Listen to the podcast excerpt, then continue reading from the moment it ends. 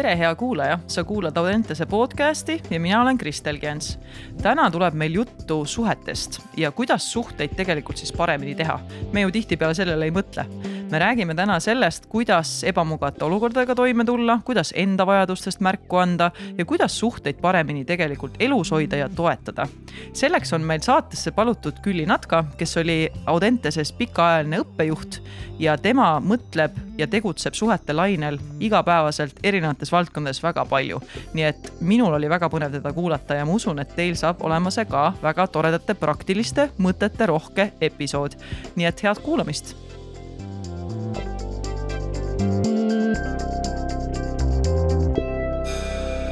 täna on meil selline tore päev, et meil on külas inimene, kes on meie keskkonnas olnud aastakümneid, võib isegi öelda, mitmuses, aga nüüd on siis suundumas järgmistele radadele. aga sain ma ta siiski meiega siia mõnusalt laua taha. Ja tahaks siis öelda tere äh, Külli Natka, kes oli siis meil väga pikka aega äh, õppejuht. Ja kindlasti on sul olnud selles keskkonnas ka teisi rolle, nii et äh, tere tulemast! Aitäh kutsumast ja täna on meil teemaks küll mitte kooli juhtimine enam, äh, vaid me räägime natukene teistel radadel, mis äh, samas puudutab, äh, ma arvan, igaüht, et täna on meil teemaks siis peamiselt just suhtlemine ja, ja suhete olulisus ja mis üldse need suhted on ja, ja kuidas neid paremini juhtida. nii et ma usun, et meil saab olema sihuke põnev rännak nendel radadel.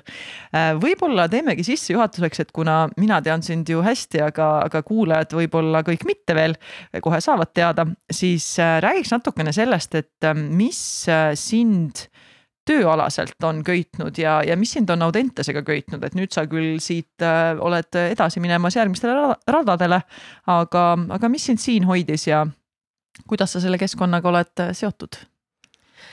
ja ma sain ähm, paar nädalat tagasi oma tööraamatu kätte, et on veel sellised igandid. ja sealt ma lugesin, et äh, aasta oli siis tuhat üheksasada üheksakümmend üheksa jaanuarikuu, kui ma Audentesse tööle tulin ja ma alustasin siin algklasside õpetajana. ja ma mäletan juba ülikoolist, et ähm, kui ma õpetajaks õppisin, et siis ma tahtsin minna tööle sellisesse kooli, kus äh, tehakse midagi teistmoodi, et kõigil meil on kooliajast mingisugused mälestused ja mis meid on haavanud ja mis meile ei meeldi ja siis Audentes oli selline võimalus, et ma tahtsin tulla siia tööle, et oleks üks keskkond, et oleks üks koht, kus õpilastel on tore õppida kus õpetajatel on tore töötada ja kus lapsevanemad saavad siis usaldada oma lapsed nende pädevate inimeste sekka terveks äh, pooleks päevaks, nii kaua siis, kui nad jälle koju tagasi tulevad mm. -hmm. et see on minu põhiline motivatsioon olnudki, et töötada koos ägedate inimestega, kes mõtlevad ühtemoodi, kelle jaoks on oluline see, et lastel oleks turvaline koolis. sest kui meil oli turvaline, kui meil oli head suhted, et siis me ei saa õppida ka, et siis meil on väga keeruline keskenduda ja õppida midagi uut. et see on olnud minu põhiline motivatsioon, et ja, ja, ja sellepärast ongi, et kui, kui ma mõtlesin just nende suhete teemadele ja, ja siis ma just mõtlesin, et siin, minu kogemused sinuga koostöös, nii palju, kui meil neid on olnud, on just olnud kuidagi väga seotud sellega, et sa oled alati rääkinud suhete olulisusest ja, ja toonud neid sisse siis, kui sa meil töötasid. ja me oleme nendel teemadel rääkinud ka väljaspool meie keskkonda, et see on niisugune, tundub sulle hästi selline oluline teema, et, et äkki, äkki ma lihtsalt teekski sissejuhatuse otsa lahti sellega, et miks need suhted sulle nii selline mm, lähedane ja oluline teema on olnud, et mm, miks just need, miks, miks need sind köidavad ja, ja miks oli oluline neid tuua ka siia töökeskkonda sisse mm? -hmm. et äh, ma alustan sellest, et sa ütlesid, et me, mina hästi palju räägin suhete olulisusest, ma tahaks, et me ainult ei räägiks suhete olulisusest, et ma tahaks, et me teeksime ka midagi selle heaks. et me tunneksime ennast üksteisega suhtes hästi. et ähm, see on olnud see, mida ma olen ajanud, ma arvan, Audenteses viimased aastad, võib-olla alguses ma ei ole nii teadlik olnud. aga et viimased aastad küll on olnud see minu jaoks ülioluline just see, et ma lihtsalt ei räägi, vaid ma saan aru ka, missugused on minu suhted ümberringi ja kuidas need mõjutavad mind. kuidas mina mõjutan teisi selles oma suhetega ja kuidas need suhted mõjutavad kõiki meid, et me, me ei ela siin maailmas üksinda. et me pärineme ju loomariigist, et, et see, miks me olemegi saanud selliseks domineerivaks liigiks siin, ma arvan, et ongi nii, et me oleme saanud üksteisele toetuda, me oleme saanud üksteiselt tagasisidet, me teeme koostööd ja see on meid viinud äh, sellisele arengu kohta, kus me praegu oleme. et, äh, et selles mõttes on suhted üliolulised. et nii nagu ma ütlesingi, et väga raske on olla nagu uutele kogemustele avatud, kui mul ei ole turvalisi suhteid, kui see minu energia lähebki selle peale, et ma püsiksin elus. või et ma kuidagi mõtlen kogu aeg sellele, et mul on paha olla et kus see areng siis on, kus see õppimine siis on, et see jääb alati tagaplaanile, et noh, selles mõttes on suhted üliolulised. et kui mul on head suhted ümberringi, siis see toetab kogu minu elu igapäeva tegemisi, et mm. -hmm ja just tundubki, et arengukeskkonnas on see, no see on igas keskkonnas oluline, aga arengukeskkonnas eriti, et sa tõid hästi olulise asja sisse, et kui meil suhted korras ei ole, et siis tegelikult seda arengut toetada on ka raske. sest äh, siis peabki tähelepanu või tähelepanu saavad õigemini igasugused segajad, olgu nendeks siis äh, hirmumõtted, olgu nendeks kahtluse mõtted, olgu nendeks mingid muud asjad, mis hakkavad segama, et kui me ei saagi keskenduda tegelikult sellele, miks me siis noh, kui me võtame kooli näiteks, et kooli ju peamine eesmärk võikski olla see, et sa nii-öelda arened selles keskkonnas ja ilmselgelt, kui suhted korras ei ole, et siis seda arengut on väga raske toetada, et millele sa selle siis nii-öelda üles ehitad. et sellest meil oli pikemalt juttu ähm, juba erinevate inimestega on olnud, aga Katriniga me rääkisime päris pikalt, kes on ju pikaaegne meie õpetaja. et ka, et kuidas nagu tuleb aega võtta nende suhete loomiseks. et kui, kui proovida võib-olla kõigepealt maalida selline mitte õige ega vale pilt, aga ja mit, ütleme sellist üldist äh, tõde me siin ei kuuluta, aga, aga mida üldse siis tähendab see nii-öelda turvaline suhe, mis asi see turvaline suhe siis on, et kuidas, kuidas seda mõista, kuidas me eristame turvalist suhet sellest, mis ei ole? Mm? -hmm et mina olen enda jaoks selle lahti mõtestanud nii, et need tervislikud ja turvalised suhted meie jaoks on need olukorrad, kus meile lähedased inimesed või inimesed, kellega me suhtleme, on meile emotsionaalselt kättesaadavad ja, ja meie vajaduste suhtes tundlikud et kui me mõtleme inimeste baasvajaduste peale, et on oluline, et ma tunneksin, et mind on mõistetud, et ma olen oluline kellelegi, et ma kuulun kuskile. no inimesed ju tahavad nende heade ja tarkade ja nende tublide inimeste hulka kuuluda. ja kui ma saan tagasisidet sellelt inimeselt, kellega ma siis suhtlen, et mina olengi ma olen mõistetud, ma olen oluline ja mina kuulungi nende jaoks, sinu jaoks oluliste inimeste hulka, ma arvan, et see tähendabki turvalist suhet mm. -hmm. ja üksiskõik, et kas see siis turvaline suhe meie perekonnas, meie sõpradega või ka töökeskkonnas, et, et see, et et inimesed vastavad mulle, nad on emotsionaalselt olemas ja see, et nad on tundlikud selles suhtes ka, kuidas minuga parasjagu olukord on mm. -hmm mm. -hmm. et kui, kui tuua näiteks mingisugune selline igapäevaelu näide, et äh, võtame näiteks kasvõi näiteks siis äh,, võtame näiteks siis olukorra, kus on juhendaja, juhendaja, juhendatav, olgu selleks siis äh, treener, õpetaja, instruktor, ükskõik kes, kes siis nii-öelda juhendab või are, proovib arendada lapsi, noori, ükskõik siis täiskasvanud tegelikult samamoodi, et kuidas saab üks juhendaja toetada sedasama, mis sa kirjeldad, et, et inimene tajub, et tema nii-öelda baasvajadusi märgatakse, teda mõistetakse, et on sul näiteks mõned sellised võib-olla mm, praktilised igapäeva näiteks näited, et kuidas me saame näha seda, et, et seda päriselt tehakse. et jällegi sa tõid nii hästi nagu siin jutu alguses välja, et kuidas oluline on see, et me ainult ei räägi sellest, vaid me päriselt siis olukordades ka käitume nii, et me peame neid tervislikke ja turvalisi suhteid oluliseks, et kuidas seda näiteks näha on, et kui me võtame näiteks ühe näite et mis näitaks jällegi, et vot see on nüüd olukord, kus see juhendaja siis toetab äh, selle noore või lapse või täiskasvanu äh, vajadusi, nagu sa tõid välja, et meil on kõigil need baasvajadused olemas. Äh, ja kus on näha seda, et sellest sõidetakse üle et siis saab võib-olla kuulaja ka nagu hästi praktiliselt igapäevaolukorras aru, et mis tähendab vajaduste mõistmine ja nende toetamine ja mis tähendab seda, et tegelikult me sõidame neist üle mm. -hmm. et näiteks, et kui ma töötasin õpetajana ja ma esimest korda sattusin klassi ette ja ärevus oli mul ka väga suur ja ma tahtsin ka ennast jätta sellist head ja. ja õige inimese muljet kuidagi lendasin täiega peale õpilastele, et noh, tänase tunni teema on ja meie eesmärgid on sellised ja sinna me jõuame. ja mul oli enda ärevusega nii kimpus, et ma tegelikult ei suutnudki tajuda, et kus nemad omadega parasjagu on et järsku nad tulid ühest teisest kohast ja nendel on nad on ise hoopis teise koha peal, nende emotsioonid on laes või keegi ütles midagi halvasti. aga et kui ma esimesena seda kontakti ei loo oma juhendatavatega, et ma ei saagi kontakti sellega, et kus nemad parasjagu on.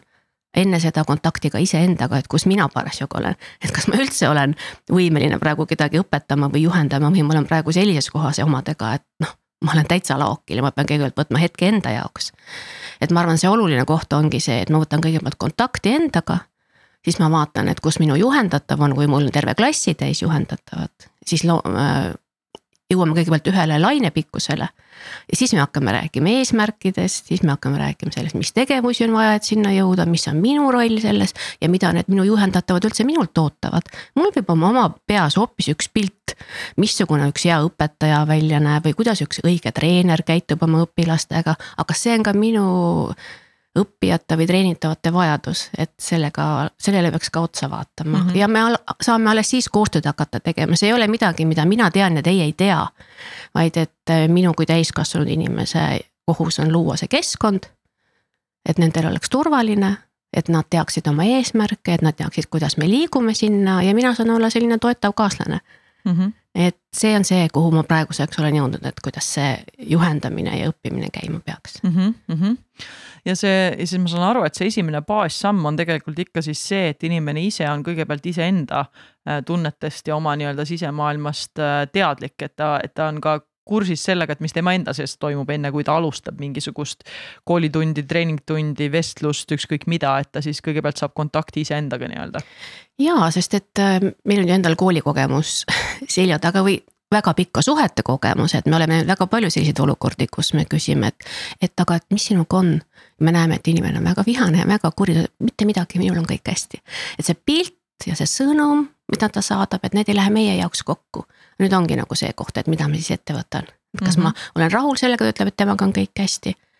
kas ma olen see täiskasvanu peaks, kes peaks kuidagi vastutust võtma või siis olen see laps kes on harjunudki sellises keskkonnas, et ta saab selliseid vastukäivaid sõnumeid ja lõpuks ta ongi segaduses, et ta ei tea siis, kuidas käituda sellises olukorras. aga ma arvan, see kontakt iseendaga on üliülioluline. et ma saaksingi aru, et kas minust üldse praegu on juhendatav vale kasu kuidagi. või et kas ma üldse endaga praegu hakkama saan, jah, ja kui saan, siis mul on aega, energiat, ressurssi teiste jaoks ka, siis ma saangi selle juhendamisega pihta hakata mm. -hmm, mm -hmm.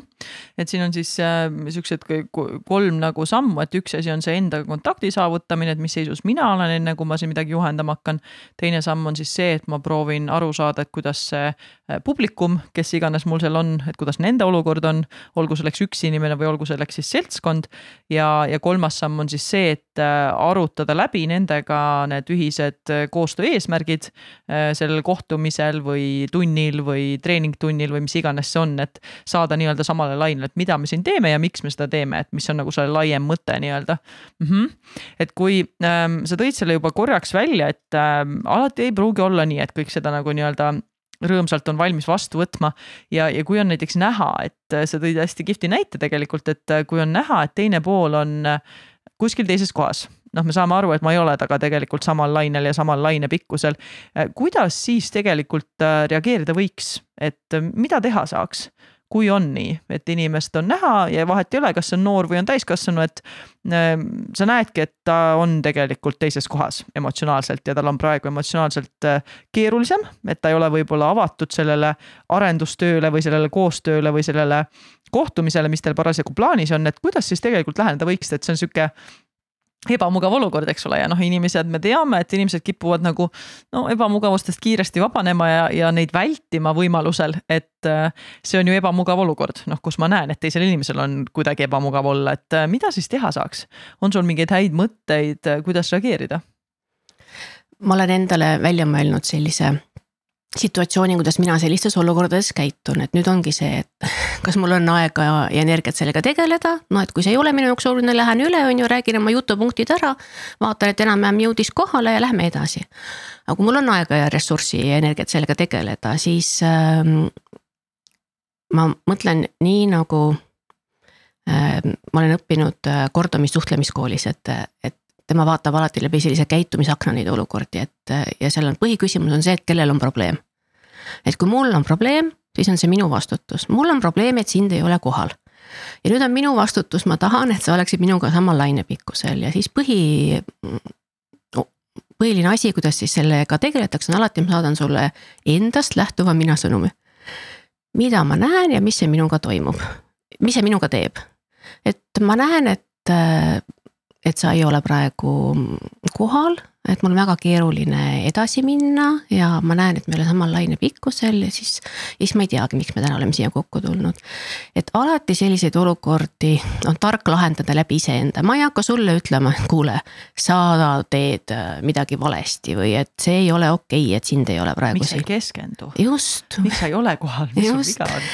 et see tekitab veel rohkem äh, sellist pahameelt, aga, või või seda ebamugavustunnet veel suurendab, aga kui ma räägin iseendast, siis ma annan endast märku, et mul on ka mingi vajadus, et mina märkan midagi, ma märkan sind, sa oled minu jaoks tähtis, sa oled minu jaoks olemas. Ja siis see on sõnum sulle, et päriselt ka, sa oled tähtis minu jaoks, järelikult siis no midagi on siin.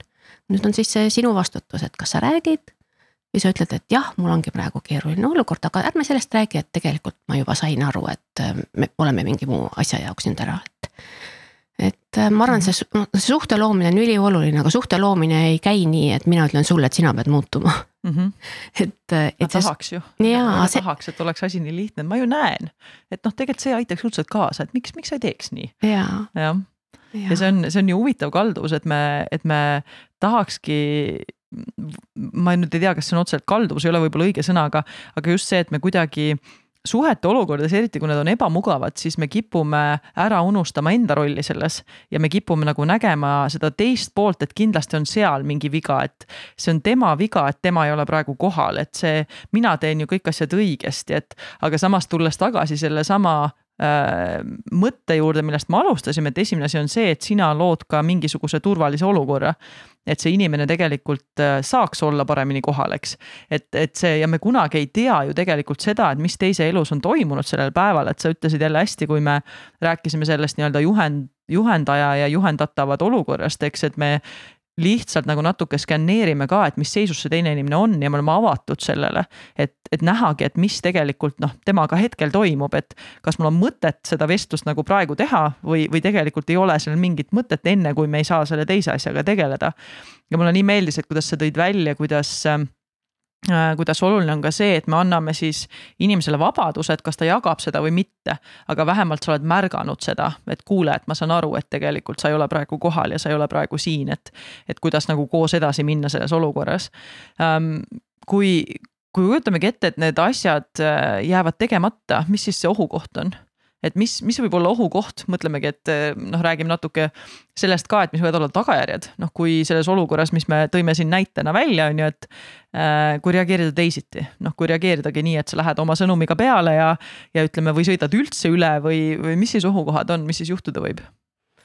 et ma arvan, et kui ühe korra niimoodi juhtub inimese elus, et siis ei juhtu eriti midagi, aga kui lihtsalt sellest saabki üks muster et kogu aeg on nii, et minu vajadused jäävad märkamata ja see, mida mina tunnen ja see, mida mina mõtlen, et see ei ole kellelegi oluline, et siis see tekitab väga suurt üksindust mm. -hmm. see tekitab väga suurt ähm, sellist tunnet, et ma ei olegi tähtis, see, mida mina ütlen, see, mida mina mõtlen, see, mida mina tunnen, see ei lähe kellelegi korda. ja see on väga kurb ja üksi olemise koht. Et äh, ma arvan, et meie igapäevaelus ka väga teadlikel inimestel juhtub neid olukordi, et äh, kus me lendame kellelegi peale ja me ei ole kontaktis kogu aeg sellega, et oi, nüüd ma pean olema see turvaline inimene, ma pean olema teiste jaoks olemas.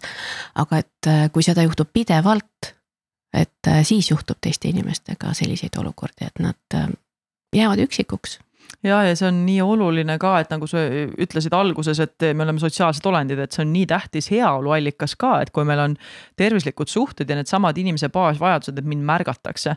et kui minu nii-öelda emotsioonidest kogu aeg sõidetaksegi üle ja lihtsalt keegi ei küsigi minu käest mitte midagi mitte kunagi või ei too seda välja. et siis võibki tekkida see olukord, et noh, baasvajadused lihtsalt jäävad rahuldamata, mis on ilmselgelt tee mitte just kõige õnnelikuma elu, nii et, et see on ju kõik omavahel seoses ka.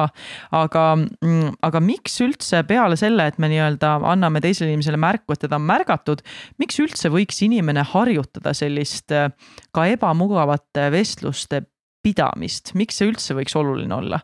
Et kui, kui võtta isegi natuke see teine pool, et kui meil on näiteks mõned kuulajad, kes võib-olla mõtlevad, et okei okay,, et ma saan aru, et ma teisele teen sellega head, eks. noh, kui ma näitan talle nii-öelda, ähm, et tema vajadusi on märgatud ja annan sellest ähm, märku, aga mis sellele inimesele endale võiks olla noh, jutumärkides nii-öelda kasutegur, et miks üldse peaks pidama selliseid ebamugavaid vestluseid, miks see oluline on?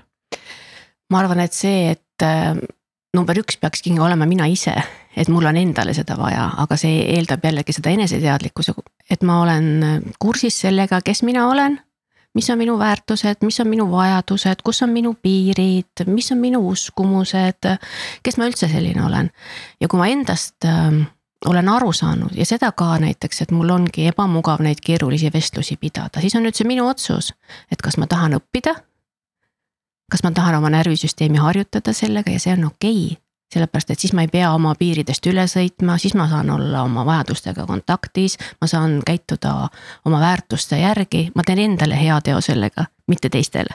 loomulikult teistele ka, aga noh, mina peaks ikka endale olema number üks. Mm ja kui ma võtan nagu sellise mõtteviisi, siis ma saan aru, et need ebamugavad vestlused on ju vajalikud. jah, et minu elus on olnud selline olukord, et kus nad teevad mind ärevaks ja ma ei ole saanud sellist tagasisidet, et mind kohe esimese korraga kuulatakse. aga siis ma mõtlen, et äh, miks see on mulle vajalik ja miks see on mulle kasulik, mulle kui inimesena, kas ma tahan areneda, kas ma tahan aru saada, kes ma selline olen või et miks ma kipun neid ebamugavaid vestlusi edasi lükkama ja kui mul on nendele miks küsimustele vastused, siis ma teen neid samme sinnapoole. et siis ma mõtlengi, et ahah, praegu on see ebamugav vestlus. ja nüüd on see minu valik.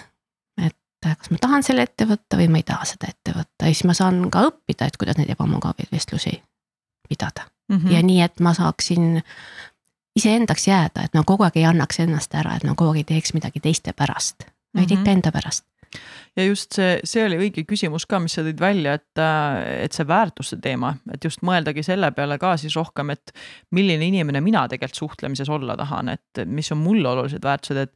et jälle tulles tagasi, et me ei muuda teisi, aga, aga me saame käituda alati selle järgi, et mis mina pean ise oluliseks inimesena.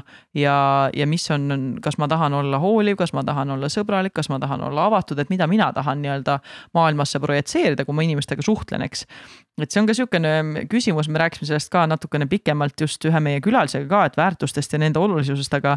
aga just seesama, et seda ka reflekteerida. ja see küsimus, mis sa tõid välja, oli väga hea, et, et just see, et küsidagi, miks. et miks ma tegelikult sinna ebamugavasse vestlusse just võiksin minna, mis on tegelikult see, mis mm,, mida see minus arendab ja teine asi ka, et kuidas see minu väärtustega kooskõlas on, kui ma seda ikkagi teen. aga kui on olukord selline, et sa ise tunned et sinu väärtustest sõidetakse üle või sinu vajadustest sõidetakse üle. Äh, kuidas siis äh, võiks märku anda, et millisel viisil, et sa tõidki välja selle hea näite, et kuidas reageerida, kui äh, teine on keerulises olukorras ja me märkame seda kõrvalt ja ma tahan nagu seda vestlust pidada. aga kui sul endal on selline tunne, mis seal on mõned sellised head võib-olla nõuanded, kuidas seda välja tuua ja mida peaks üldse arvestama, et seda enda vajadustest väljatoomist õigel ajal, õiges kohas ja õigetel viisidel teha. ja ma arvan, et siin ongi oluline see, millest me enne rääkisime, et äh, kui mu kõrval on inimene, kes on, äh, oskab turvaliselt reageerida minu jaoks kui ma räägin sellest, et minu väärtuseid praegu ei ole märgatud. et kui ma olen saanud temaga sellise mm, juba kogemuse, et jah, ta suudab mind ära kuulata, siis ma võin proovida uuesti, et see on minu jaoks turvaline rääkida sellest, et kuule, et praegu ma tunnen, et et sa ei mõista minu väärtusi või iga, mis iganes. et ma räägin siis enda väärtustest, aga selleks peab olema mul vastas inimene, kes tõesti tuleb toime sellega. et tal on ka ebamugav, kui ma räägin oma ebamugavatest kohtadest. et ja kui mul on see inimene kõrval, siis ma lihtsalt räägingi endast, mis see minuga teeb.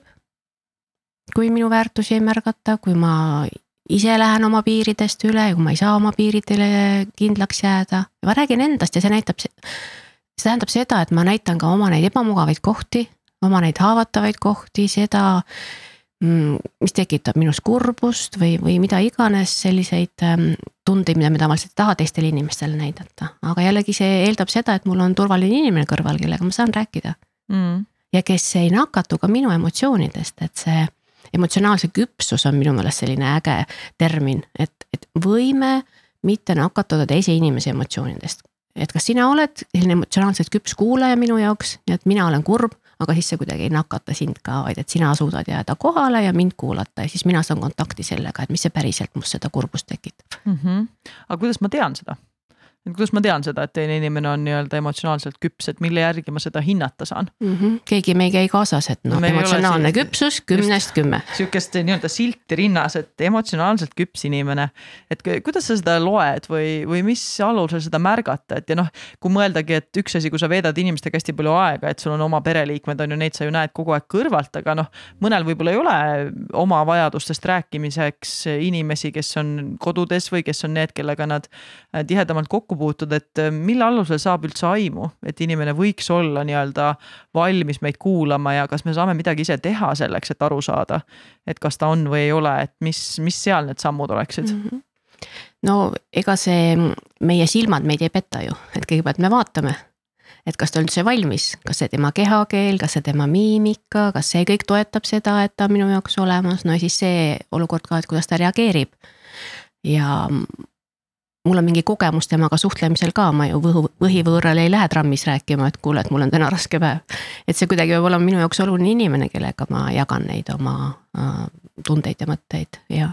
et, äh, et see kogemus ja siis see koht ka, et kas me oleme juba nii piisavalt tuttavad, et ma olen rääkinud ka oma rasketest kohtadest ja siis, kas ma olen sulle öelnud ka, et kuidas ma tahaksin, et sa mind kuulad või et äh, kas ma olen öelnud, et, et ma ei taha, et sa praegu mulle seda ütled, vaid ma tahan, et sa praegu lihtsalt kuulaksid mind ja mitte midagi ei ütleks, et mis suhe siis meil on mm. -hmm. sellega mul tuleb meelde üks äh, hästi hea olukord, et kus ma jällegi väga hindan nagu seda, et kes on inimesed su ümber, et kuidas ka nagu mulle on õpetatud seda, et, et kuidas äh, võiks reageerida, noh eriti kui, kui oled ise ametis, et sa oled ise psühholoogia valdkonnas, et siis on ju kohe see noh natukene tahe seda rolli võtta, aga samas oma inimestega see ei pruugi olla kõige parem lahendus, et siis äh, ongi tore, kui inimesed tegelikult ise ütlevad ka, et ma, ma lihtsalt tahan, et sa kuulaksid praegu. ja samas ma olen seda ise ka vahepeal küsinud, et äh, kui ma ise olen natuke kahtleval seisukohal, et kas ta nüüd tahaks nagu natuke nõu küsida tegelikult ja ta ei ütle seda otse välja või on see, kus ma lihtsalt oleks kuulaja, ma olen reaalselt küsinud, ma olen isegi vahepeal küsinud ka, et kui keegi mulle räägib ja siis ma olen, olen küsinud, et, et, et kas sa kas sa tahaksid, et ma ütleks nagu päriselt, mis ma arvan ja, ja kuidas seda olukorda võiks lahendada või, või sa tahad lihtsalt jagada ja ma lihtsalt kuulan.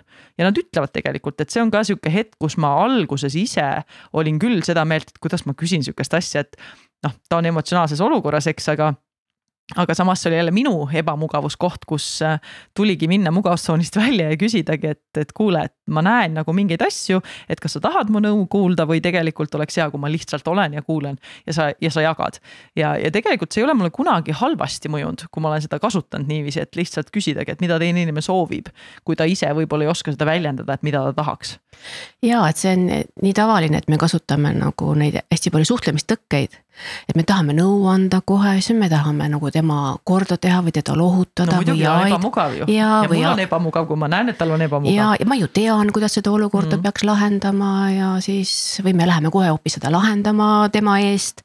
aga tegelikult äh, see, mis kõige paremini aitab, on aktiivne kuulamine emotsioonide nagu ka nähtavaks tegemine.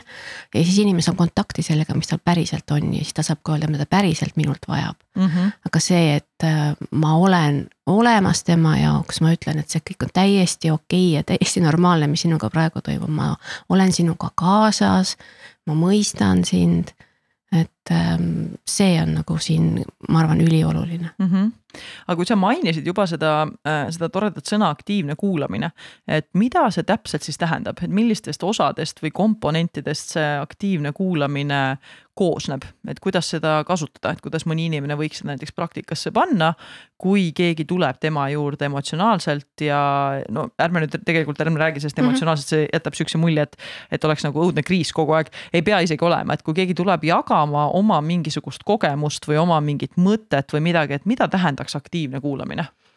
aktiivne kuulamine on see, et äh, ma leian siis sealt mingisugused märksõnad või siis ma leian sealt alt selle tunde, et kui see on see emotsionaalne olukord, siis ma püüan neid tundeid sealt äh, tekstist välja lugeda, mis see tema, selle minu vestluspartneriga parasjagu teeb või kui see on siis mingisugune muu jutt, et siis ma püüan neid äh, märksõnu sealt välja lugeda, siis neid välja tuua, et kas see on nii või et kas sa mõtled praegu seda.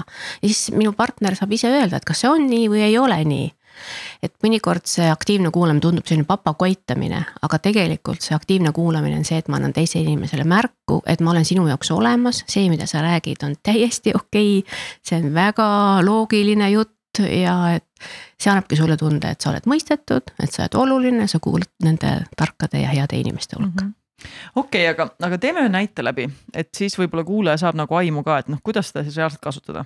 kujutame nüüd ette olukorda, võtame mingi suvalise näite, näiteks äh. Mul oli mingisugune idee, mida ma tahtsin ellu viia, meil oli koosolek selleks ja kujutame ette olukorda, et mu kolleeg väljendas kriitiliselt oma arvamust selle idee suhtes ja ütles, et noh, väga viisakalt, aga ütles põhimõtteliselt läbi lillede, et see tegelikult on täiesti jama idee. ja ma olin sinna panustanud ja ma olen nüüd hästi, ma olen nii-öelda löödud ja kujutame nüüd ette, et ma tulen sinu juurde ja ütlengi, et tead Külli, et äh, mul oli täiesti sihukene olukord, et ähm, noh, ma, ma istusin seal koosolekul ja, ja siis tuli mulle sihukene kriitika ja, ja ma, mul oli noh, nii raske olla seal ja ma lihtsalt tundsingi, et äh, et ma ei tea, mida teha, mul oli sihuke tunne, ma tahan sealt ära minna. Ja noh, kuidas ta saab niimoodi käituda, et kuidas ta ütleb mulle sellist asja, et ta on ju mu kolleeg, et miks ta sellist asja ütles mm? -hmm et sa läksid koosolekule oma mõtetega ja ütlesid neid välja ja sa tundsid tegelikult, et sinu ideid ei mõisteta. jah, tundsingi mm -hmm. ja, ja jube jama on, ma tõesti nagu see oli väga, väga kehv, siiamaani on kehv, et ma mõtlengi, noh, kuidas ta saab nii käituda, et mis mõttes ta ütleb mulle nii mm. -hmm. et sa tundsid, et äh, ta ei mõista sind, see, mida sina teed siin koolis või koosolekul ei ole oluline ja ma arvan küll jah. jah, tegelikult ega kui ma niimoodi mõtlema hakkan, siis vist oli jah see olukord hmm.. jah, tegelikult ma ei olegi selle peale sellise nurga alt otseselt mõelnud, et võib-olla tõesti ma tundsin jah, et mind ei mõisteta. et see oli see peamine asi tegelikult. jah ja, ja tegelikult see noh, nüüd ma tulen sellest näitest välja, aga tegelikult see hetkeline asi, kus sa tõid välja, mida mina tolles olukorras võisin tunda. see tegelikult tekitas minus äh, sellist tunnet küll, et, et mind keegi kuulab ja, ja juba see hetk, kus keegi proovib minu emotsioone ja minu mõtteid mõista ja sa tegelikult ühegi kohaga ei öelnud, et sa oled nõus või sa ei ole nõus või et see tegelikult võtab kohe seda emotsionaalset reaktsiooni vähemaks ja paneb mind korraks sinna olukorda, et ma hakkan nagu mõtlema ja ma jõuan tagasi sellest emotsioonist sinna, kus mul on nii-öelda ruumi, mida edasi mõelda, et see oli väga hea näide just, äh, sest noh, võib tekkida selline olukord, et äh, ma tean lihtsalt, et äh, mõned inimesed võivad mõista toetamist justkui sellena, et ma pean kaasa minema. noh, et kui teine inimene tuleb ja ta räägib niimoodi emotsionaalselt, et siis ma lähen justkui kiidan nagu takka, et, et seda sinust nagu üldse kuulda ei olnud, et ma saan aru, et see ähm, emotsiooniga kaasa minemine ja selle justkui nagu toetamine ei ole tegelikult see aktiivne kuulamine. jaa, et aktiivne kuulamine peab andma kaaslasele sellise tunde, et, et see, mida ma tunnen see on täiesti okei. okay ja see on äh, mõistetud ja see on oluline minu partneri jaoks, kellega ma seda jagan. see tekitab sellise tunde, et ma saan kontakti sellega, mis tunne seal on ja võib-olla seal on, all oli veel hoopis neid tundeid veel rohkem. aga ma olen selle kuidagi ära pannud ja ma sellel hetkel ei mõtlegi selle peale, sellel hetkel trigerdas lihtsalt see töökaaslane, kes mind ei mõistnud mm.. ja kui ma läheksin sellega kaasa, jah, ta ongi selline, ta kunagi ei mõistagi teisi ja ta kogu aeg räägibki vastu ja ta-ta-ta-ta-ta mm, -hmm. siis see tegelikult ei aita sind mitte kuidagi. jah, või siis see, et ja, ja ta on minuga ka selline olnud mm, -hmm. et see on. Ma olen ka seda tundnud ja, ja siis läheb juba fookus mulle ja täpselt ja tegelikult see on nii loomulik kalduvus ju, sest et noh, võibki tunduda, et noh, ma aitan sellega, vaata mm, -hmm. ta tunneb midagi, aga mm, -hmm. aga samas jah, see tegelikult pikas plaanis ei aita, et ta lihtsalt aitab seda ebamugavust korraks vähendada, on ju. aga mm -hmm. tegelikult ta ei pane seda teist inimest mõtlema ja, ja veel vähem tundma seda, et, et ta oma emotsioonidest aru saaks. et vot see on ka nagu üks huvitav asi, mida ma olen mõelnud, et ähm, ja kuulaks hea meelega sinu arvamust, et kui minna nüüd sellest konkreetsest situatsioonist, mis puudutab nüüd äh, reageerimist, noh, kui keegi tuleb oma murega, et äh, mis sinu mõtted on selle koha pealt, et äh, rääkisime, et inimesed on sotsiaalsed olendid, on ju, ja.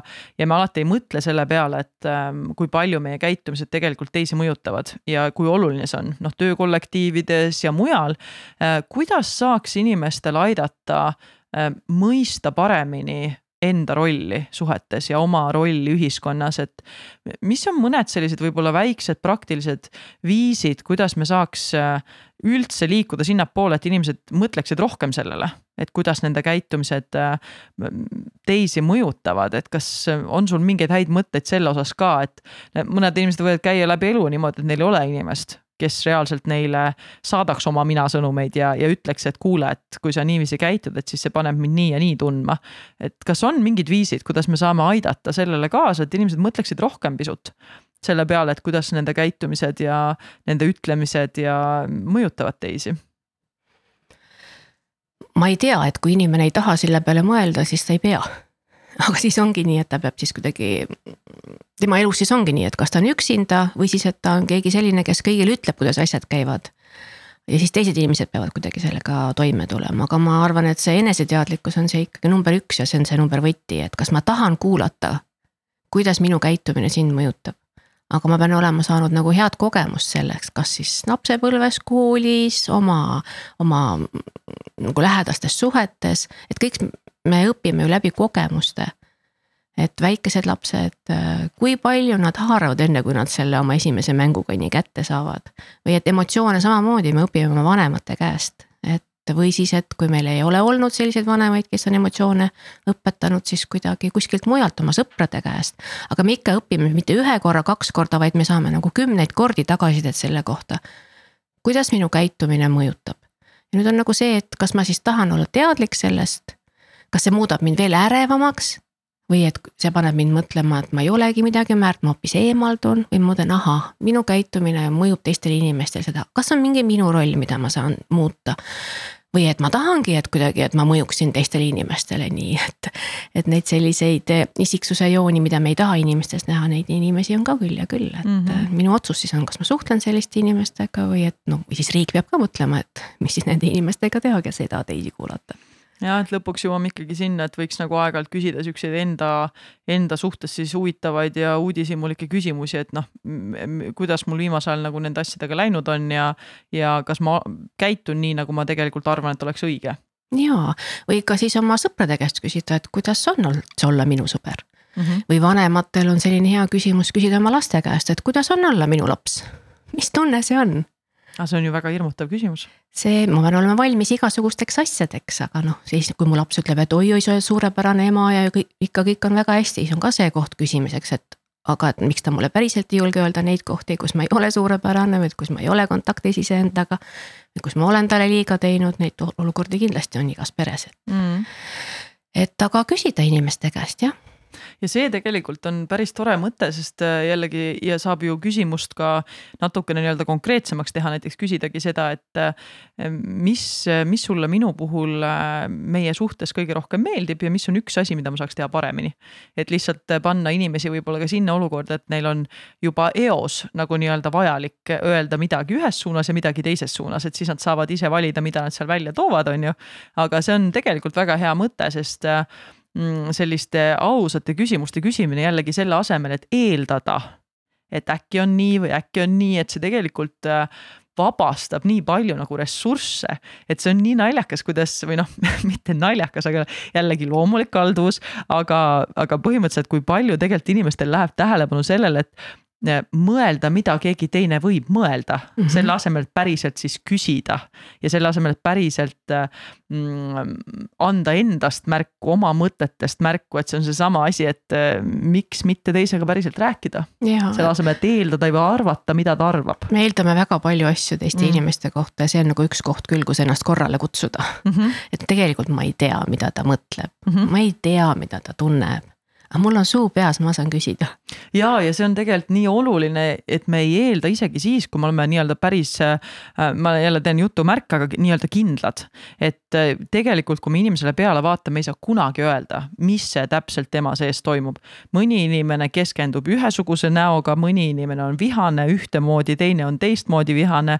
et me tegelikult ei tea mitte kunagi, et mul oli just äh, treeneritega hästi kihvt ähm, äh, seminar ja, ja siis seal tuli seesama tegelikult teema jutuks ja just seal tuli nii äge nagu näide, et kus äh, rääkisime ebamugavast olukorrast, mis treenerite jaoks tüüpiline on see, et kus on näha, et äh, nad õpetavad, annavad mingisuguse sisendi, teevad seda korduvalt ja ei tule välja noh, ja siis sa vaatad, kuidas tal ei tule välja, räägid uuesti, selgitad uuesti, millele keskenduma peaks ja ikka ei tule välja. ja siis tuli ka hästi tüüpiline, mida, mida kiputakse arvama, et noh, ta ei keskendu ja siis nad rääkisid selle olukorra ära ja siis ma kuulan ja siis mõtlen ka, et okei okay,, ahah, ja äh, kuidas te teate, et ta ei keskendu? Ja siis oli äkki vaikus. noh, aga ta, ta ei tee seda ja siis ma küsin, et ja ma saan aru, et ta, et tal ei tule see välja, aga kuidas te teate, et ta ei keskendu? et kuidagi on nagu jällegi eeldus, et kui tal veel välja ei tule see, mida ta nii-öelda harjutab või õpib, siis see juba eos tähendab, et ta ei kuula, ta ei keskendu piisavalt. mis vahetevahel võibki nii olla, aga me ei tea seda enne, kui me ei küsi. ja siis tuli ühelt treenerilt selle peale, kui me selle läbi arutasime siis kõik hakkasid muigama ja siis äh, ühelt treenilt tuli tegelikult väga hea näide, jälle sihuke praktiline näide.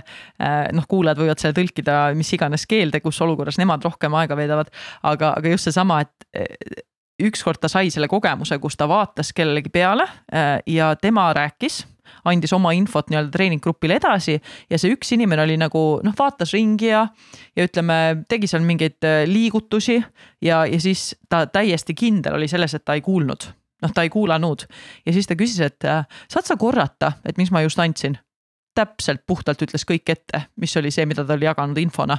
ja siis tema jaoks treenerina oli see see hetk, et kus okei okay,, ma tegelikult ei saa eeldada seda, et ta nüüd kindlasti teeb seda või seda.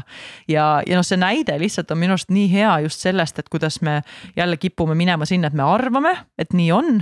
ja kipume arvama, et meie arvamus ongi seesama ja see õige arvamus, selle asemel, et päriselt siis rääkida ja küsida et ma jäin nüüd natukene pikaks jutustama, aga, aga jah, et see oleks nagu hästi selge, et me tegelikult tõesti ei tea. ja ma arvan, et kõigil inimestel on neid olukordi ja me teeme seda ikka ja jäämegi tegema, et me eeldame ja arvame, aga me tegelikult ei tea lõpuni välja. me ei saa kunagi sada protsenti öelda, et ma tean, mida sa tunned. me ei tea. jah ja. ja., kui sa oled minu jaoks äh, inimene, kelle, minul on oluline sinu jaoks head suhted ja sa oled minu jaoks olemas, siis ma annan märku, mis minuga päriselt on ja mida ma päriselt vajaksin, et nagu see ongi nagu see koht, et. et kui ma panustan oma headesse ja turvalistesse suhetesse, siis ma saan seda kõike vastu ka.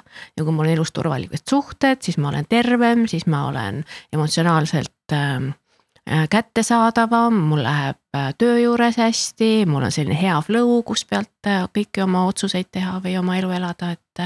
et see on nagu panustamine oma heasse ellu tegelikult mm see on, see on väga hea, et sujuvalt sa viid meid lihtsalt selle küsimuseni, kuhu ma tahtsin veel täna jõuda ja kuna meil aeg hakkabki sinnapoole liikuma, et me tahamegi sinna jõuda, siis ähm, just seesama küsimus nüüd, et kuidas siis te, sa tõid, juba mainisid, et kuidas me peame panustama sellesse, et meil oleksid nii-öelda sellised tervislikud suhted, et see ei ole asi, mis äh, tuleb selleks, et jääda ja nüüd me mitte midagi seal tegema ei pea. Äh, räägime natuke sellest, et kuna sul on ka nii erinevad rollid, noh, see kõigil inimestel on erinevad rollid, eks, et me oleme kellelegi võib-olla partnerid, me oleme kellelegi või kuidas tänapäeval nimetatakse, elukaaslased. või me oleme vanemad, me oleme sõbrad, me oleme kolleegid, me oleme lapsevanemad, kes on lapsevanem, me oleme lapsed, et kuidas siis õed, tegelikult, just õed-vennad on ju, et noh, neid rolle võibki nagu loetlema jääda mm, -hmm. mis erinevaid suhteid meil kõigil on. Mm, mis on äh, mõned võib-olla sellised ähm, head viisid, kuidas siis tegelikult mingeid suhteid toita ja nii-öelda hoida äh, ja arendada ja panustada nendesse, see oli nii tore sõna, mis sa ütlesid, et, et me peamegi panustama ka nendesse mis on äh, suhetesse, mis meie ümber on. Ja see on justkui natuke nagu oma sellise õnnelikkuse tassi nagu täitmine, et sa tegelikult tead, et see on ja me ei pea seda üldse mõtlema nii, aga see on tegelikult asi, mis äh, noh, aitab meid ka siis, kui meil on mingisugused olukorrad. Ähm, ja ma julgeks öelda, et arvestades uuringuid ja lihtsalt üks sihuke vahemärkus veel, enne kui ma selle küsimuse uuesti sulle annan. Äh, ma avastasin just, et ma kipun seda tegema, et mul tulevad mingid mõtted ja siis ma tahan neid kindlasti lisada. sul on palju häid mõtteid. Äh, no see kipub vahepeal liiga lappama minema, aga see selleks, ma tegelikult jõuan ausalt selle, selle mõtteni, kuhu ma tahan jõuda. ühesõnaga lihtsalt taustateadmisena, et äh, ka kuulajatele, et tegelikult on ka reaalselt noh, teadlased ikka uurivad ju küsimusi nii-öelda ka teaduslikult ja proovivad leida siis selgitusi ja, ja on ähm, üle, nüüd on vist juba sada aastat kestnud äh, õnnelikkuse uuring, mida Harvardis äh, kunagi alustati ja siiamaani see kestab, kus siis jälgitakse inimeste elukäiku äh, ja mis on siis see, mis iseloomustab kõige nii-öelda õnnelikumaid inimesi. Ja seal nagu number üks kohal on ikka suhted et mis on nii-öelda pikaealisusega seotud, mis on õnnelikkusega seotud, on ikka suhted. suhted ja tähenduslikkus ja, ja need kaks, noh muidugi sinna juurde kõik need loomulikud asjad, füüsiline liikumine ja toitumine ja kõik tegelikult baasasjad, millele me ei taha tähelepanu pöörata. me tahaks ikka otsida seda imerohukest, mis on nüüd see, mis aitab õnnelikkusele ja pikaealisusele kaasa. tuleme kõigepealt baasasjade juurde ja seal rõhutatakse väga palju ja on tehtud mitte ainult see uuring, vaid ka vanainimeste seas on tehtud uuringuid, et mis on justkui need mõjutegurid, kunagi ei tea ju seda nii-öelda otsest seost, aga, aga võimalikud mõjutegurid ja ikka ja jälle tuleb sealt välja, et need, kes pikaealiselt vanana elavad õnnelikumalt, on need, kellel on mingisugused tähenduslikud suhted ümber olevate inimestega et kui nüüd selle peale mõelda, siis äh, ja tulles tagasi selle küsimuse juurde, et kuidas siis päriselt jällegi igapäevapraktikas tegelikult toetada äh, ja toetada seda panustamist, et sul oleks need suhted nüüd, oleks need tulevikus, et need justkui kestaksid. mida siis, äh, mida siis teha võiks ja, ja sa võid täitsa tuua siukseid praktilisi näiteid nagu näiteks ühes rollis ja teises rollis, et siis inimesed, kes kuulavad, saavadki aimu, et mida ma siis tegelikult teha saan. et kuidas ma panustan suhetesse et ma arvan, see äh, suhe number üks on suhe minul iseendaga. et ma arvan, see on see, mille eest ma pean kõige rohkem hoolt kandma. et äh, kui mul on endaga hea suhe, siis ma saan panustada kõikidesse teistesse suhtedesse, suhetesse, et minu tass on täis. et just, et ma olen korralikult maganud, et ma olen korralikult söönud, et ma olen piisavalt liikunud, et mul on piisavalt positiivseid emotsioone siis ma saan panustada headesse suhetesse, hommikul kui üles ärkan, vaatan peeglisse, ütlen kohe ohoh väga äge, teen endale, ma ei tea, naeratan endale, ütlen, et eh, ilusat hommikut, ilusat päeva, see, et ma juba ärkan selle tundega, et ma olen enda jaoks tähtis. ja siis ma arvan, et sealt edasi juba, kui ma olen endaga saanud hea kontakti, siis läheb juba ludinal, aga ma arvan, et eh, need meie pereliikmed, et need, kellega me iga päev kohtume. abikaasad, elukaaslased, lapsed, et nendega on natukene lihtsam, et neid me näeme iga päev ja me saame lihtsalt mõelda selle peale, et eh, et äh, kuidas mina panustan sellesse heasse suhtesse, et ma kuulan, et ma olen olemas, et ma valideerin seda olukorda, kui tal on raske. aga nüüd on need sõbrad, need, keda ma iga päev ei näe, aga kes on minu jaoks ka olulised, et äh, üks nipp, äh, mida mina olen viimasel ajal teinud, on see, et ma igale päeva peale kirjutan endale ühe sõbra nime ja ma võtan temaga ühendust. et ähm, kiires elus päris tihti meil kipub olema niimoodi, et ähm, meil ei ole aega ja siis mul on töö ja siis ma lähen kuhu iganes ja siis mul pean minema veel poodi õhtusööki tegema ja siis on mingisugune muu asi. ja laps tahab veel õppimisel abi ja, või mis iganes asjad, sõbrad jäävadki tagaplaanile. aga kui ma iga päev olen pannud endale, et äh, täna ma näiteks helistan Kristelile või küsin, kuidas tal läheb. ootan seda kõnet hea meelega. just, et see on minu viimase aja selline üks suur eesmärk, mida ma olen äh, pannud endale, et seda ma teen ja ma mõtlen, et see on nagu üks väga suur samm sellesse, et ma üldsegi panustan oma suhetesse. et ma kuidagi ei eelda, et teised võtavad minuga ühendust. või et noh, ma olen nii äge inimene, noh küll nad siis nagu leiavad mu ülesse see on minu vastutus täpselt samamoodi, mina teen oma viiskümmend protsenti ära, sina teed oma viiskümmend protsenti ära, see ongi üks terve suhe. mitte nii, et mina võtan kogu aeg ühendust ja sina oled siis see, kes ootab või tavaliselt noh, et mina ootan ja sina võtad ühendust mm. -hmm. et teised peavad ikka tegema just, ju. et see on üks selline tants, mida tantsitakse kahekesi, et see ei -hmm. ole mingi soolotants, vaid mm -hmm. mina teen oma sammud ära, sina teed oma sammud ära ja ma küll tantsuekspert ei ole, aga ega seal vist on ka niiviisi, et mõnikord üks juhib ja teine laseb ennast juhtida ja mõnikord on vastupidi ja mõnikord üks toetab rohkem ja. ja, ja mõnikord on see, kus teine toetab rohkem, et eks ta vastupidi käib. ja, et äh, mees tavaliselt juhib, aga naine peab ka neid samme teadma ja mis on tema roll selles, et ei saa olla nii, et mõlemad juhivad mm. -hmm. ja, ja see on tegelikult väga kihvt mõte, et lihtsalt pannagi see endale kirja reaalselt. et mis päevadel kellega, kuidas ühendust võtta, on ju, ja leida neid võimalusi, kuidas sõprussuhteid toetada. ja see on tegelikult hästi mm, jällegi asi, mida me kipume võib-olla vahepeal nagu ära unustama ja just, justkui need sõbrad tulevad ja eriti nendel, kellel on pered et noh, ma arvan, et need, kes võib-olla elavad endaga, et äh, nendel võib-olla on rohkem seda kalduvust, et me ikkagi sõpru nagu proovime hoida ja võtame ühendust, aga. aga just peredega, et see võib juhtuda nii, et jääme yeah. sinna nagu oma sellesse keskkonda, eks ole, ja siis millalgi on see, et ohohoo, et nüüd võiks nagu uuesti ülesse leida need inimesed, aga siis võib olla see, et kus nemad on juba teist rada pidi läinud, et jah. ja, ja see, kui mul on äh, sõpradega sellised igapäevased suhted äh, väga loomulikud, siis see ei ole see, mida ma tegema pean. aga kui ma mõtlen selle peale, et me ei ole seda ammu teinud ja kuidas teha, siis see on üks viis, kuidas mm. teha hea mõte, tõesti, kihvtid mõtted ja see endaga suhestumine ka, et sa hommikul juba nii-öelda lood mingisuguse hea, hea suhte iseendaga, et olla, olla Äh, ressursside mõttes ka olemas. jah, ja sõprussuhetest kindlasti tahaks rääkida millalgi pikemalt, sest ma arvan, et see on väga oluline teema, millest ähm, palju räägitakse paarisuhetest. aga sõprussuhetest mitte nii väga ja, ja see on tegelikult hästi tähtis, aga see on juba eraldi podcast'i teema, millele rohkem, rohkem keskenduda. Kas midagi on sellist veel, mis sa tunned, et sa tahaksid meie kuulajatele anda seoses suhete ja, ja suhete maailmaga, mida ma võib-olla ei osanud küsida või, või tunned sa, et me katsime need peamised alad ära, et millega kuulaja saaks oma suhete maailmas natukene mm, paremini edasi toimetada? Ma mõtlen, et me rääkisime küll hästi paljudest asjadest, aga, aga mõnikord ma kuulen, et inimesed ütlevad, et noh, et mina olengi selline. või et noh, et mina ei muutugi. et tegelikult äh, ei ole nii, et mina olen selline, et inimene võib areneda elu lõpuni, kui ta leiab enda jaoks selliseid olulisi pidepunkte, miks see on tema jaoks oluline või et. või et äh, ta saab aru, et ahah, ma tahaksin tegelikult hoopis selline inimene olla, aga praegu ma olen saanud tagasisidet, et kuidagi mind ei mõisteta. et see areng ja, enda paremate suhete tekitamine, et see kestab elu lõpuni, see ei ole nii, et ma kahekümneselt enam, mul on suhteliselt sellise, selline inimene ma olen, et võtke või jätke. et kui ma ikkagi tahan tegeleda iseendaga ja oma suhetega, siis see on võimalik ja see on, seda saab teha elu lõpuni. see on lootusrikas sõnum ja loodame, et see jõuab kohale inimestele, kes äh, siin teisel pool mikrit äh, meid kuulavad. nii et äh, ma ütlen ainult suure aitäh sulle, et sa olid valmis nendel teemadel rääkima ja aitäh ka kuulajatele, kes meid on loodetavasti endiselt valmis kuulama.